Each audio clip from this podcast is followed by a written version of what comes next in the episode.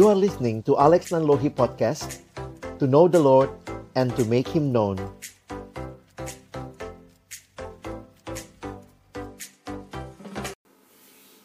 Mari kita berdoa sebelum kita membaca merenungkan firman Tuhan.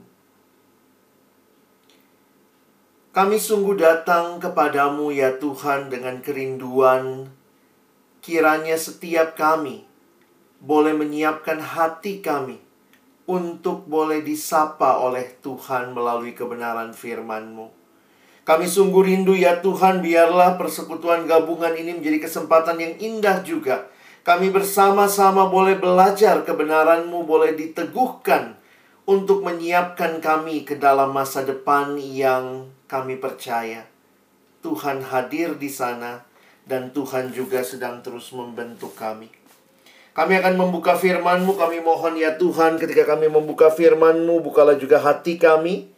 Jadikanlah hati kami seperti tanah yang baik, supaya ketika benih firman-Mu ditaburkan, itu boleh sungguh-sungguh berakar, bertumbuh, dan juga berbuah nyata dalam hidup kami.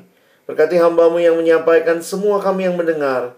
Tuhan tolonglah kami semua agar kami bukan hanya jadi pendengar-pendengar firman yang setia, tapi mampukan dengan kuasa dan pertolongan dari rohmu yang kudus, kami dimampukan menjadi pelaku-pelaku firman-Mu di dalam hidup kami, di dalam masa muda kami.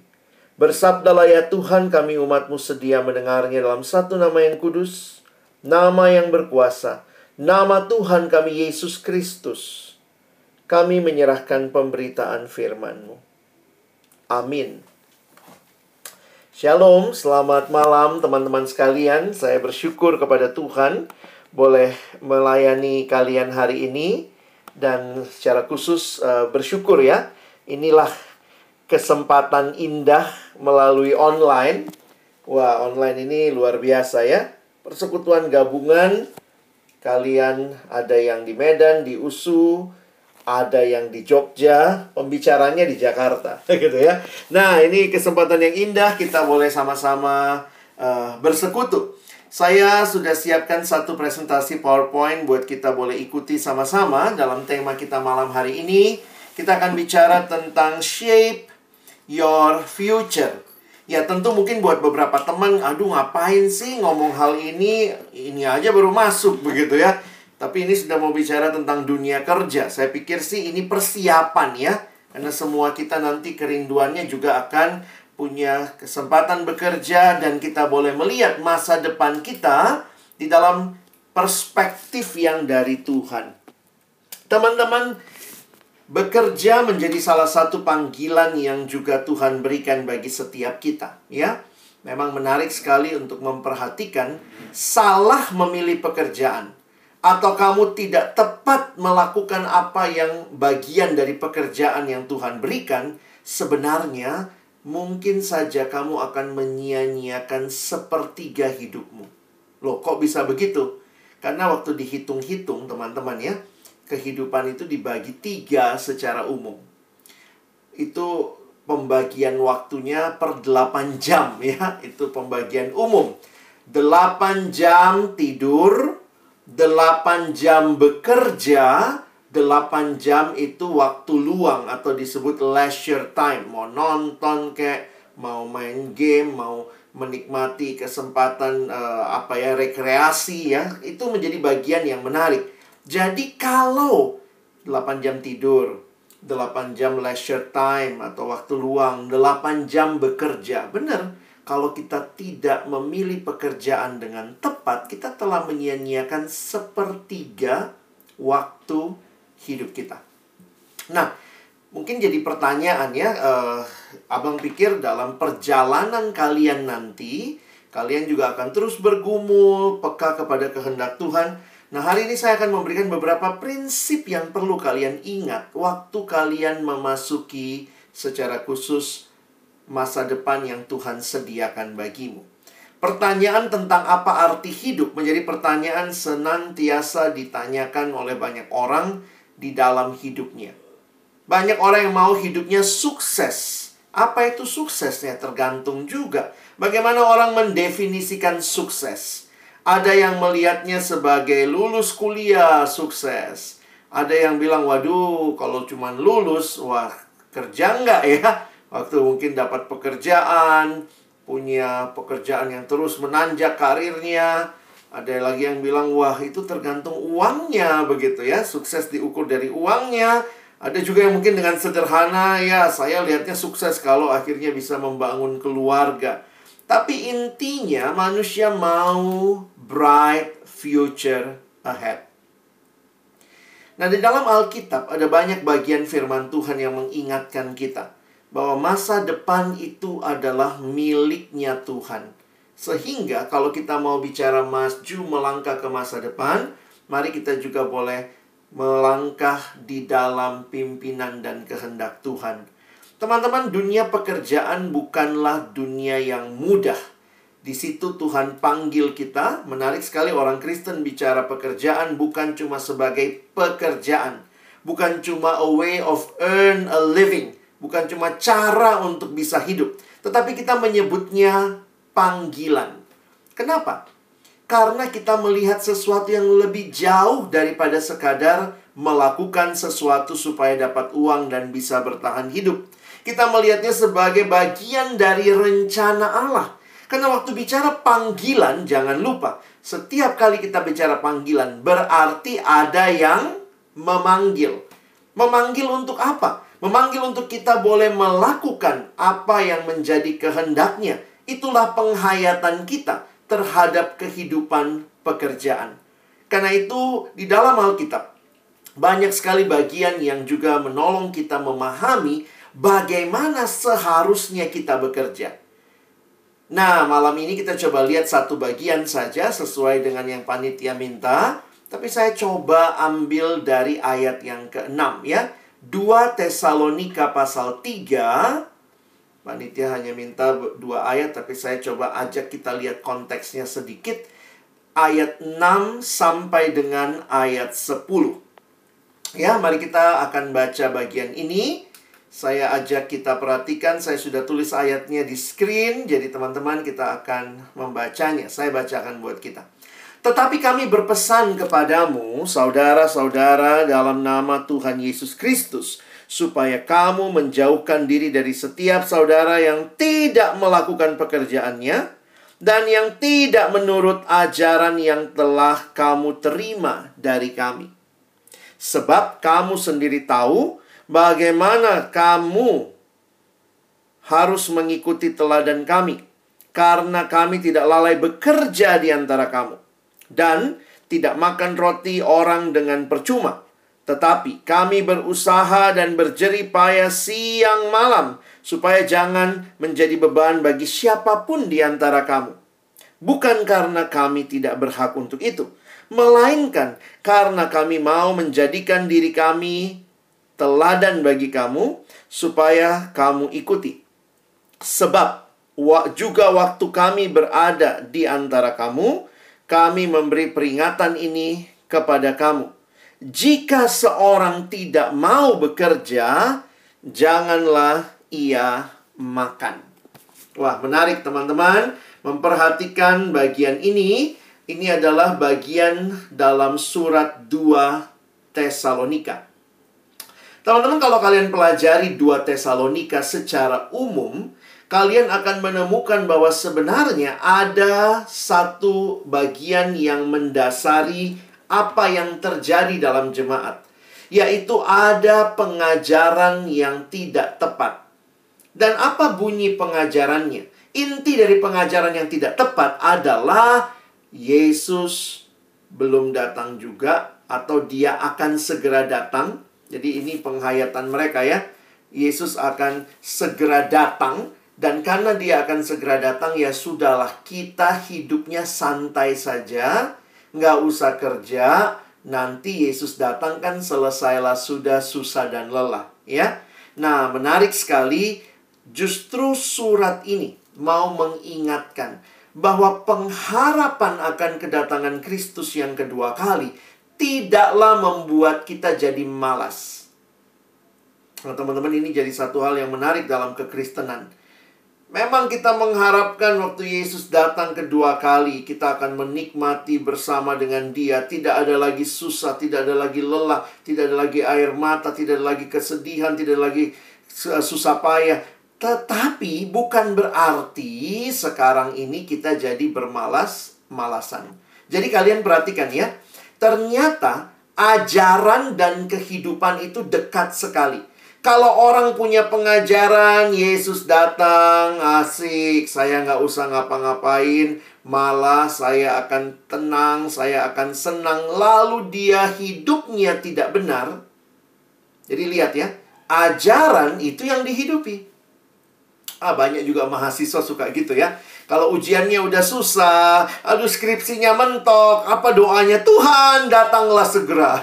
Selesailah sudah, susah dan lelah ya Rasanya kayaknya asik sekali seperti itu. Nah, tapi teman-teman perhatikan kepada jemaat di Tesalonika, Paulus justru meminta mereka. Kalau kalian baca secara khusus pasal 3 ayat 6 sampai 18, Paulus justru mengingatkan mereka hidup tertib sebagai jemaat dan salah satunya Paulus mengingatkan tentang pekerjaan, ya. Ini adalah sebuah peringatan, warning kepada jemaat di Tesalonika yang hidupnya tidak tertib. Hati-hati, jangan hidup tidak tertib ya. Kalaupun kita nanti bicara masih lama bang aku kerjanya. Tetapi sejak mahasiswa bangun hidup yang tertib, yang berdisiplin, itu amanat firman Tuhan. Jangan pikir Alkitab cuma ngomong surga-surga saja. Alkitab juga banyak bicara hidup kita di dalam dunia menantikan surga. Justru di sini kita dipanggil hidup tertib. Orang percaya atau jemaat dikatakan memiliki tanggung jawab untuk saling menegur dan menasehati. Makanya kita juga harus saling membangun ya. Bersyukur kalau tadi saya dengar di kampus kalian ada KTB, ada kelompok kecil, ada ada kakak-kakak rohani, teman-teman rohani yang saling membangun, saling mengingatkan. Dan Paulus merasa bertanggung jawab memberikan peringatan ini. Perhatikan teman-teman ya. Kalau kita lihat nasihat dan teguran yang Paulus berikan bukanlah omong kosong. Karena itu lahir juga dari apa yang Paulus sendiri praktekkan. Jadi Paulus mengatakan di sini bahwa Paulus bekerja dan tidak makan roti orang dengan percuma atau dalam terjemahan Alkitab BIMK terjemahan bahasa Indonesia masa kini kalimatnya kami tidak makan makanan orang dengan tidak membayarnya. Jadi kalau kita perhatikan ya sebagai hamba Tuhan Paulus melakukan bagiannya hamba Tuhan dan pelayan Tuhan, orang-orang yang memimpin jemaat harus tertib hidupnya. Bila ingin jemaat yang dilayani hidup tertib juga. Ya, jadi saya harap teman-teman kalian kan katanya adalah masa depan bangsa, pemimpin masa depan. Tapi saya melihat ini bukan hanya mahasiswa, bukan hanya pemimpin masa depan. Kamu harus mulai memimpin dari sekarang. Pimpin dirimu baik-baik. Hidup tertib sehingga satu waktu kalau Tuhan percayakan kau jadi pemimpin di bangsa ini, kamu yang tertib hidupnya akan juga dilihat oleh orang-orang yang menjadi orang yang kau pimpin. Saya jujur waktu di kampus, saya dulu kuliah di Universitas Indonesia. Saya jurusan ilmu sosial, ilmu politik, jurusan ilmu komunikasi. Wah, kami anak sospol, sosial politik itu jadi banyak diskusi-diskusi politik di kampus. Ada satu kelompok dulu di kampus kami senang sekali berdiskusi politik tapi alirannya agak kiri teman-teman ya. Agak sedikit ke Marxis begitu ya. Nah, mereka mengadakan diskusi segala macam ya. Saya pikir, wow, mereka luar biasa tajam pemikirannya, mengkritik pemerintah, mengkritik kebijakan kampus. Saya pikir ini es uh, top banget ya. Tapi satu hal yang menyedihkan waktu saya lihat, ternyata hidup mereka juga amburadul. Teman-teman ya, ternyata selesai diskusi politik, kadang-kadang mabok bareng begitu ya. mabok lah, mereka nyewa satu kosan, satu rumah ya, satu kamar begitu dan di situ mabok bareng, kadang-kadang main judi begitu ya. Kayaknya sih memperjuangkan masyarakat kesannya. Tapi di sisi lain ada kehidupan yang justru tidak jadi teladan. Jadi waktu itu saya sampai mikir gini ya, nggak, nggak tahu dalam perenungan itu. Karena saya dulu berharap sekali sama teman-teman ini. Mereka pintar, pintar ngomong, wawasannya luas, baca buku ini, buku itu. Tapi kemudian saya sadar ya, saya juga nggak rela Indonesia dipimpin sama kamu gitu ya, dalam hati saya ya. Karena pemimpin itu juga akan jadi teladan bagi orang-orang yang dipimpinnya. Nah, makanya dalam pekerjaan perhatikan bagaimana Paulus juga memberikan penekanan yang penting tentang pekerjaan. Maka Paulus ingatkan ya, ini nasihat Paulus kalau kalian lihat, jangan malas. Jangan jadi beban, jangan cuma senang jadi beban. Lalu nanti ayat 13 ya kita nggak bahas sampai ke situ ya, nanti kalian lanjutkan saja. Jangan jemu-jemu berbuat apa yang baik, jangan lalai, jangan lupa. Ya Indonesia ini masalah orang Indonesia ya. Gampang lupa. lupa, lupa, dan lupa. Kita bahas hanya yang pertama saja ya. Jangan malas. Jadi bagian ini kalau kalian lihat dalam bagian yang kita baca, ada kondisi yang terjadi. Makanya Paulus mengingatkan di ayat 6 ini ya. Ada dua hal sebenarnya kondisinya. Menjauhkan diri dari setiap saudara yang tidak melakukan pekerjaannya, ini yang pertama, dan yang tidak menuruti ajaran yang kamu terima dari kami. Masih ingat yang abang cerita tadi di awal? bahwa ada orang-orang yang tidak melakukan pekerjaannya karena punya pengajaran Yesus mau datang. Ya sudahlah, kita santai aja. Nanti kalau dia datang kan selesailah semua. Jadi ada yang tidak lakukan pekerjaan dan mereka yang tidak mendengarkan ajaran Kristus dan saya melihat dua-duanya terkait. Apa yang terjadi? Coba lihat ya. Mereka yang tidak melakukan pekerjaannya dalam satu tafsiran Alkitab mengatakan mungkin, ini yang saya bilang tadi ya, mungkin karena menganggap hari Tuhan telah dekat sehingga nggak perlu kerja lagi. Tapi lebih parahnya, mungkin juga mereka memanfaatkan kebaikan anggota gereja lainnya. Jadi ngemis minta-minta. Mungkin bu juga karena malas. Ya, Nah, kalau kalian baca Tesalonika, ini muncul di satu Tesalonika juga. Jadi, ini nampaknya bukan isu baru. Di surat satu Tesalonika muncul, di dua Tesalonika muncul lagi. Teman-teman bayangkan ya, orang kalau tidak ngerti hidup adalah panggilan Allah. Hidup itu adalah kesempatan berkarya melayani Allah dan sesama. Ya begini nih, pekerjaan tidak dia lakukan dengan baik. Jadi saya ingatkan ya, Mungkin kalau kalian lihat gitu ya, oh ya bang, di kampung kami ada itu bang ya. Istrinya yang kerja, suaminya di rumah main judi. Uh, apa, nyabung ayam, bisa begitu ya. Uh, banyak kita ketemu begitu. Dan itu padahal orang-orang yang ngakunya Kristen. Hari Minggu ke gereja. Hari lain nggak tanggung jawab dengan hidupnya. ya Nah, di 1 Tesalonika 4, 12, 11, 12, dan 5, 14, kalian lihat ayat-ayat ini ya.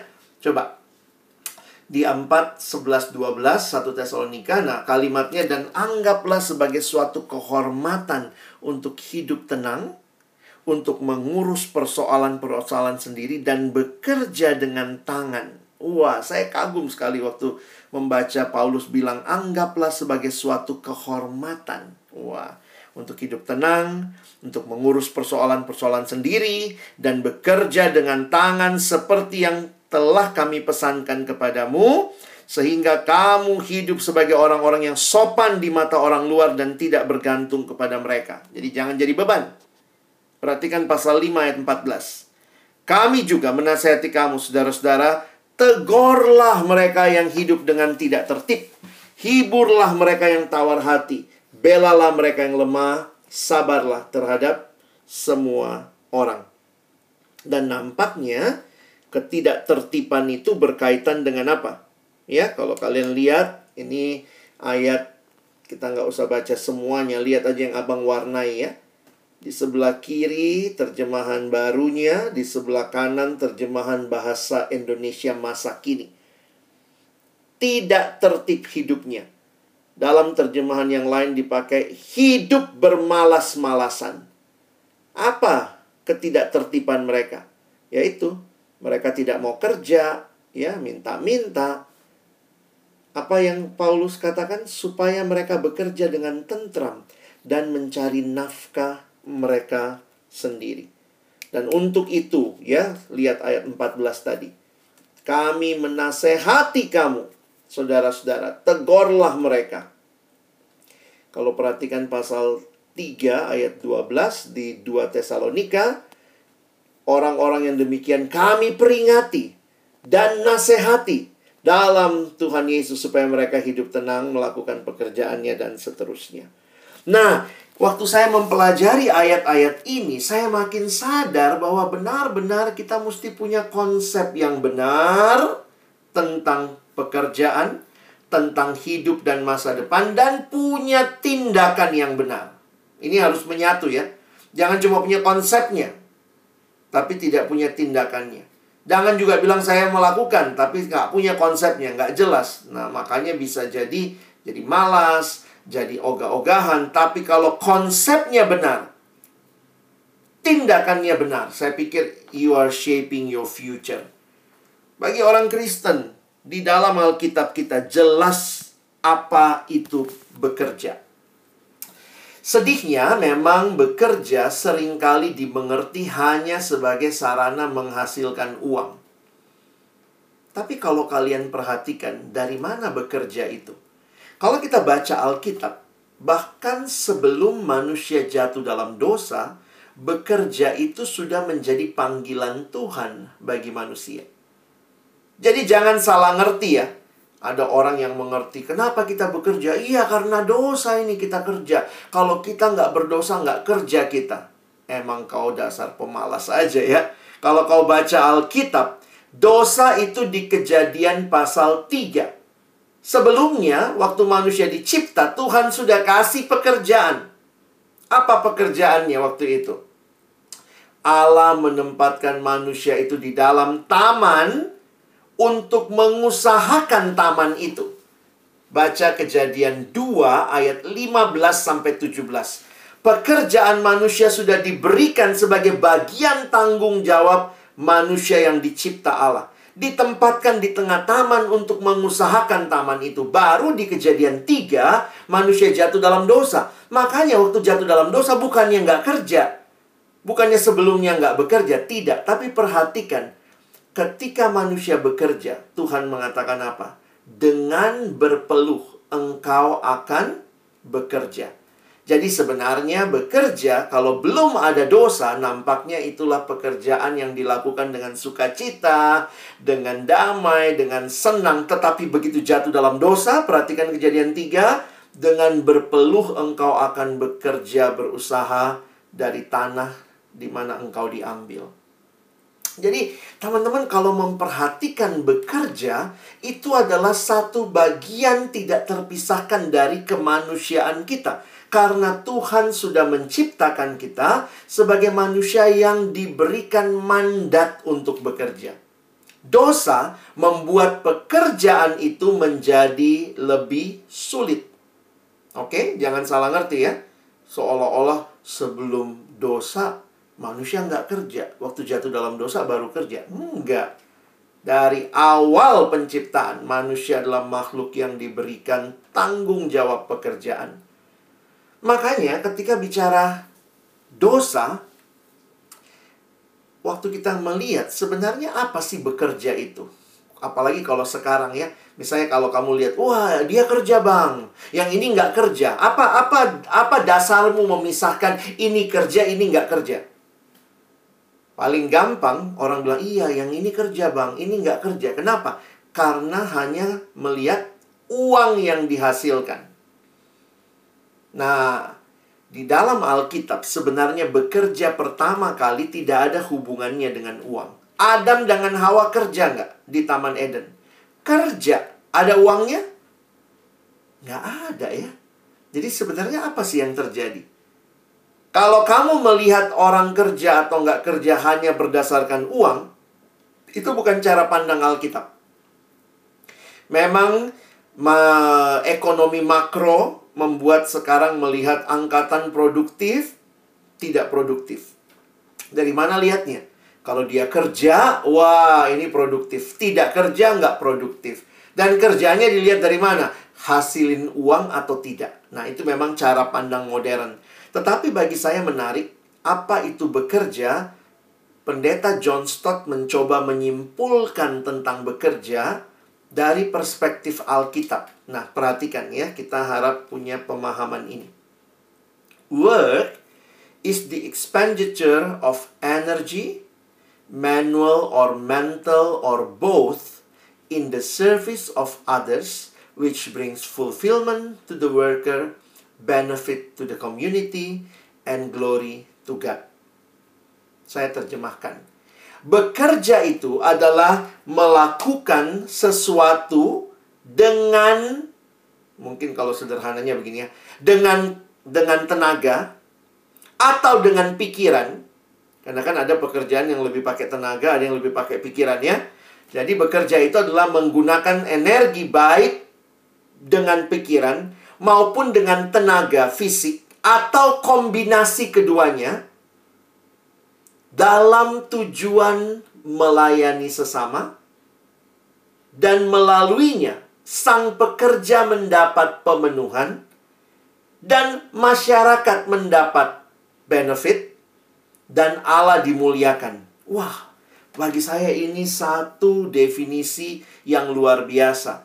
Kerja di sini tidak ada sama sekali bicara uangnya. Ya, uang itu bukanlah tujuan kerja.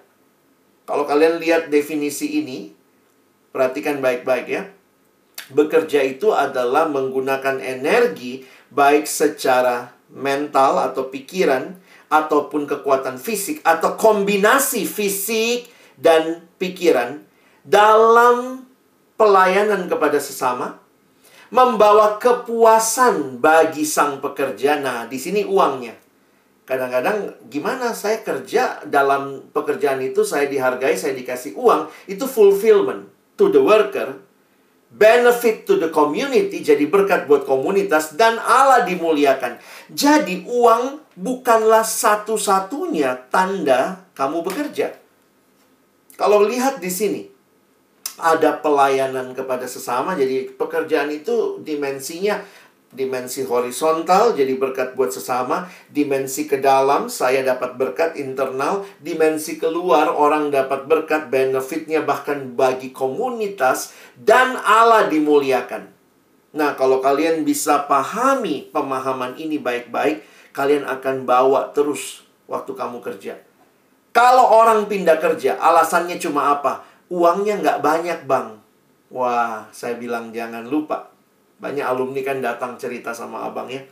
Aduh bang, mau pindah kerja di sini uangnya nggak banyak bang. Saya tanya sama dia. Kalau uang jadi ukuran satu-satunya itu cuman fulfillment to the worker. Tapi apakah pekerjaanmu itu jadi service for others? Apakah pekerjaan itu memuliakan Tuhan? Karena banyak pekerjaan yang tidak memuliakan Tuhan, itu uangnya banyak. Contoh apa ya? Uh, mungkin apa ya sekarang? Judi online kali ya. Pinjol, pinjol itu ya. Mungkin uangnya banyak gitu ya, kesannya ya.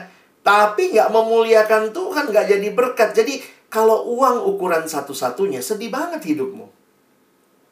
Kalau pekerjaanmu itu beresiko dan kamu dihargai dengan diberikan uang ya, itu bagian dari uh, fulfillment ya, tapi bukan itu satu-satunya. Makanya ketika ada teman-teman yang rela jadi hamba Tuhan ya, maaf ya saya pakai contoh mungkin pengalaman juga dengan abang dan segala macam waktu saya memutuskan jadi hamba Tuhan penuh waktu, orang tua saya nggak bisa ngerti tuh. Kamu lulusan UI, masa mau jadi hamba Tuhan? Saya ingat sekali bapak saya waktu itu yang menentangnya salah satunya. Kemudian sih akhirnya mendukung ya setelah sekian tahun. Saya pernah nggak ngomongan sama bapak satu tahun lebih ya karena saya memutuskan jadi hamba Tuhan. Langsung bapak ngomongnya begini. Saya nggak rela ya anak saya lulusan universitas. Lalu waktu itu kan saya juga masuk UI-nya bebas tes gitu ya PMDK. Tapi kemudian keluarnya saya memutuskan jadi hamba Tuhan. Langsung dia bilang, saya nggak rela lihat anak saya jadi pengemis ya, minta-minta uang sama jemaat. Waduh, Waktu itu saya mikir gitu ya, oh siapa yang minta uang sama jemaat? Dikasih kok gitu ya. ya Tuhan, di situlah Tuhan memenuhkan. Sehingga poinnya adalah mungkin uangnya nggak banyak. Tapi kalau uang jadi satu-satunya pertimbangan, wow saya udah nggak jadi hamba Tuhan, ngapain? Saya jadi presenter TV aja, saya anak ilmu komunikasi, teman saya beberapa presenter di TV. Sekarang terkenal begitu. Tapi Tuhan memanggil bukan uangnya, tetapi bagaimana bagi saya Tuhan membawa saya untuk melayani dia dan sesama. Sehingga ingat teman-teman, kalau nanti kalian jadi alumni, bekerja, ya jangan jangan gila sama uang ya. Kadang-kadang itu yang menyedihkan ya. Anak Tuhan tapi hidupnya cuma mikirin uang saja. Uang kita butuh. Nggak ada yang nggak butuh uang. Tetapi uang bukanlah tujuan bekerja satu-satunya dan bukan satu-satunya tanda pekerjaanmu berhasil. Ya. Nah, saya mau masuk sedikit uh, meng mengajak kalian melihat dunia kerja tuh kayak apa ya. Karena kalau kalian nanti masuk dunia kerja, semua persaingan tuh ada di sana. Nah, yang paling penting itu nilai apa yang kamu pegang. Teman-teman nggak bisa mengubah dunia pekerjaan. Kita nggak bisa mengubah dunia pekerjaan langsung. Oh jadi surga. Nggak ada pergumulan, nggak ada tantangan. Saya maunya kerja yang nggak ada pergumulan. Nggak ada. Yang bisa kamu urus adalah dirimu, bukan sekitarmu yang kamu mungkin kamu bisa membawa perubahan tetapi kamu tidak mungkin membawa kesempurnaan karena nanti kesempurnaan waktu Tuhan Yesus datang kedua kali. Tetapi kalau begitu kita perlu punya keyakinan yang dalam sambil berjuang menjadi garam dan terang. Menarik sekali ya. Tuhan tidak bilang ke kita kita itu lampu sorotnya dunia, ya. Tuhan bilangnya kita garam dan terang, terang yang kecil tapi menerangi sekitarnya. Nah, teman-teman perhatikan ya. Dalam waktu yang tersisa saya mau ajak kita melihat bahwa setiap kita harus sadar kita tuh sedang menghidupi sebuah cerita. Nah, sekarang pertanyaannya, cerita apa yang sedang kau hidupi? Ceritamu atau ceritanya Allah? Karena apa? Kalau kau tidak punya cerita yang kau pegang, ceritanya Allah, maka jangan heran bisa jadi ada cerita-cerita lain yang akan mempengaruhi kamu. Cerita tentang sekularisme, ini kan isme-isme yang ada. Ada cerita tentang pragmatisme, ini kan nilai-nilai ya. Sekarang itu yang penting adalah apa apa gunanya buat saya. Jadi kadang-kadang orang nggak nanya ini benar atau tidak, tapi ada gunanya nggak buat saya. Itu orang-orang pragmatisme. Konsumerisme, wah yang paling penting adalah saya punya barang ini, barang itu. Jadi konsumerisme jadi tujuan. Hedonisme yang paling penting adalah saya senang. Jadi kadang-kadang saya pikir gini ya, dunia pekerjaan tuh begitu.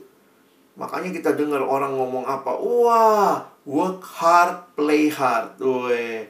Kalau Senin, I don't like Monday. Tapi kalau Jumat, wah, thanks God it's Friday. Kadang-kadang dunia punya pemahaman-pemahaman seperti itu. Dan tidak heran juga orang senang dengan materialisme. Semua diukur. Saya pikir nggak ada ya. Ada nggak bapak mamamu yang leskan, uh, nah pergilah kau les matre. Ada? Bapak mamamu lesin kau matre? Memang nggak ada orang tua ngelesin matre. Tapi secara tidak langsung.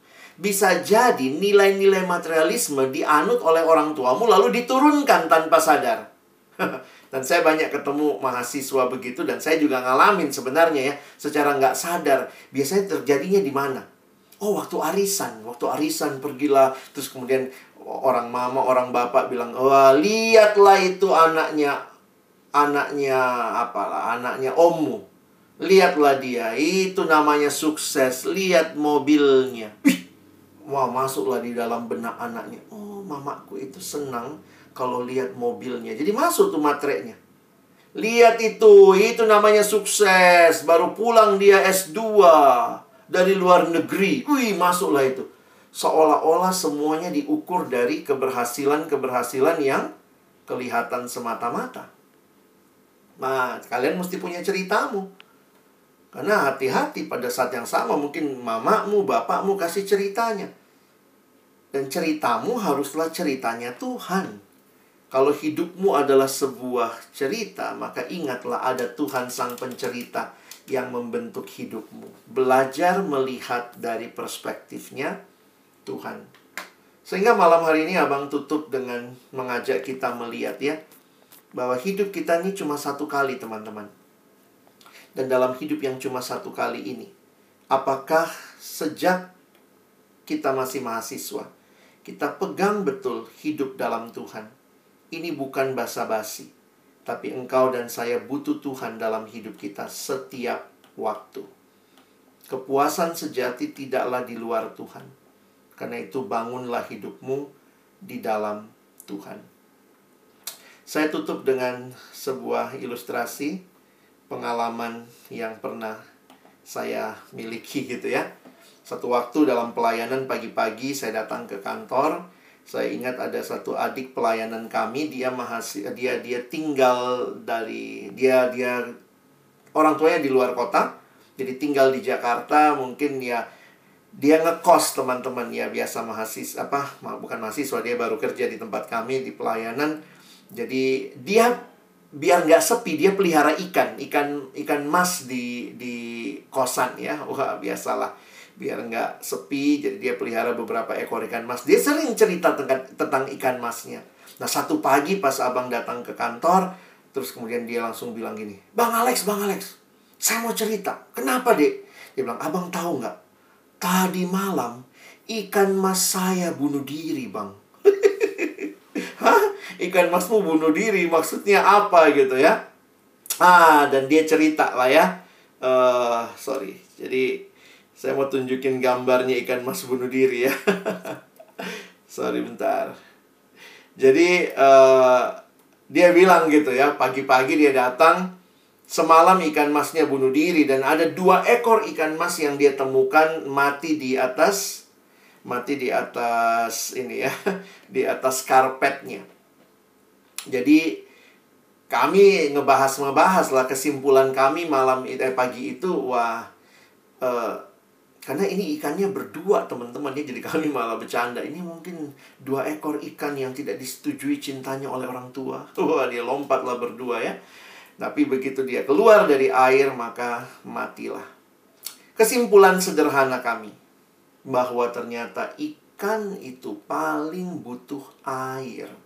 Mungkin di luar air dia rasanya lebih bebas, lebih luas Tetapi ikan itu hanya bebasnya di dalam air yang terbatas Teman-teman, kesimpulan ini membuat kami sadar ya bahwa kepuasan sejati buat kita baik kamu jadi mahasiswa, nanti kamu bekerja, kamu bangun hidupmu di tengah dunia dengan berbagai tantangan. Ingat terus, kepuasan sejati bukan di luar Tuhan, tetapi di dalam Tuhan. Kadang-kadang rasanya kok dalam Tuhan banyak terbatasnya ya. Saya suka nanya sama anak remaja, jadi anak Tuhan enak nggak? Banyak kan bolehnya atau nggak bolehnya? Banyak kan nggak bolehnya bang. Nah sekarang saya tanya, itu enak apa nggak? E, e, e, gimana ya? Ketika Tuhan bilang ini nggak boleh, itu nggak boleh, itu bukan membatasi kebebasanmu, tapi itulah kebebasan sejati. Kalau semua boleh, saya pikir itu bukan Tuhan yang baik. Kalau kau bilang, Tuhan, saya mau bunuh orang. Tuhan bilang, silahkan. Tuhan saya mau pukul bos, silahkan. Tuhan mau pukul dosen, silahkan. Tuhan mau bunuh orang tua, silahkan. Kalau Tuhanmu kayak begitu, semua boleh. Itu bukan Tuhan yang baik. Tapi dia memberikan batasan karena dia tahu. Dia yang cipta kita. Kepuasan sejati bukan di luar Tuhan, tapi di dalam Tuhan. Karena itu sejak sekarang adik-adikku, bangun masa depanmu bersama Tuhan. Saya tutup dengan ayat ini. Yesus berkata, Akulah pokok anggur dan kamulah ranting-rantingnya. Barang siapa tinggal di dalam aku dan aku di dalam dia, ia berbuah banyak. Perhatikan kalimat ini. Sebab di luar aku, kamu tidak dapat berbuat apa-apa. Mari merangkai masa depanmu dengan terus hidup di dalam Tuhan sejak saat ini sehingga sampai waktu kamu jadi alumni nanti. Kamu bekerja, kamu tahu ini panggilan, bahkan pekerjaanmu akan bawa berkat bagi sekitarmu, membawa kemuliaan bagi Allah. Mari berdoa. Tuhan terima kasih kami sudah mendengar firman-Mu. Kami mungkin masih jauh Tuhan dari hidup sebagai alumni. Beberapa kami bahkan baru masuk kampus. Tetapi kami mau belajar setia kepada Tuhan, hidup di dalam Tuhan, bertumbuh di dalam Tuhan. Karena itulah kekuatan kami untuk melangkah maju. Kami tidak sedang shaping our future dengan kekuatan kami, tetapi dengan kebergantungan kepada Tuhan. Tolong adik-adikku baik di USU, di UNY, dalam setiap bagian yang kau percayakan. Biarlah kami menghidupi semuanya di dalam kehendak Tuhan. Terima kasih kami bersyukur, kami menutup firman-Mu dalam nama Yesus. Kami berdoa. Amin.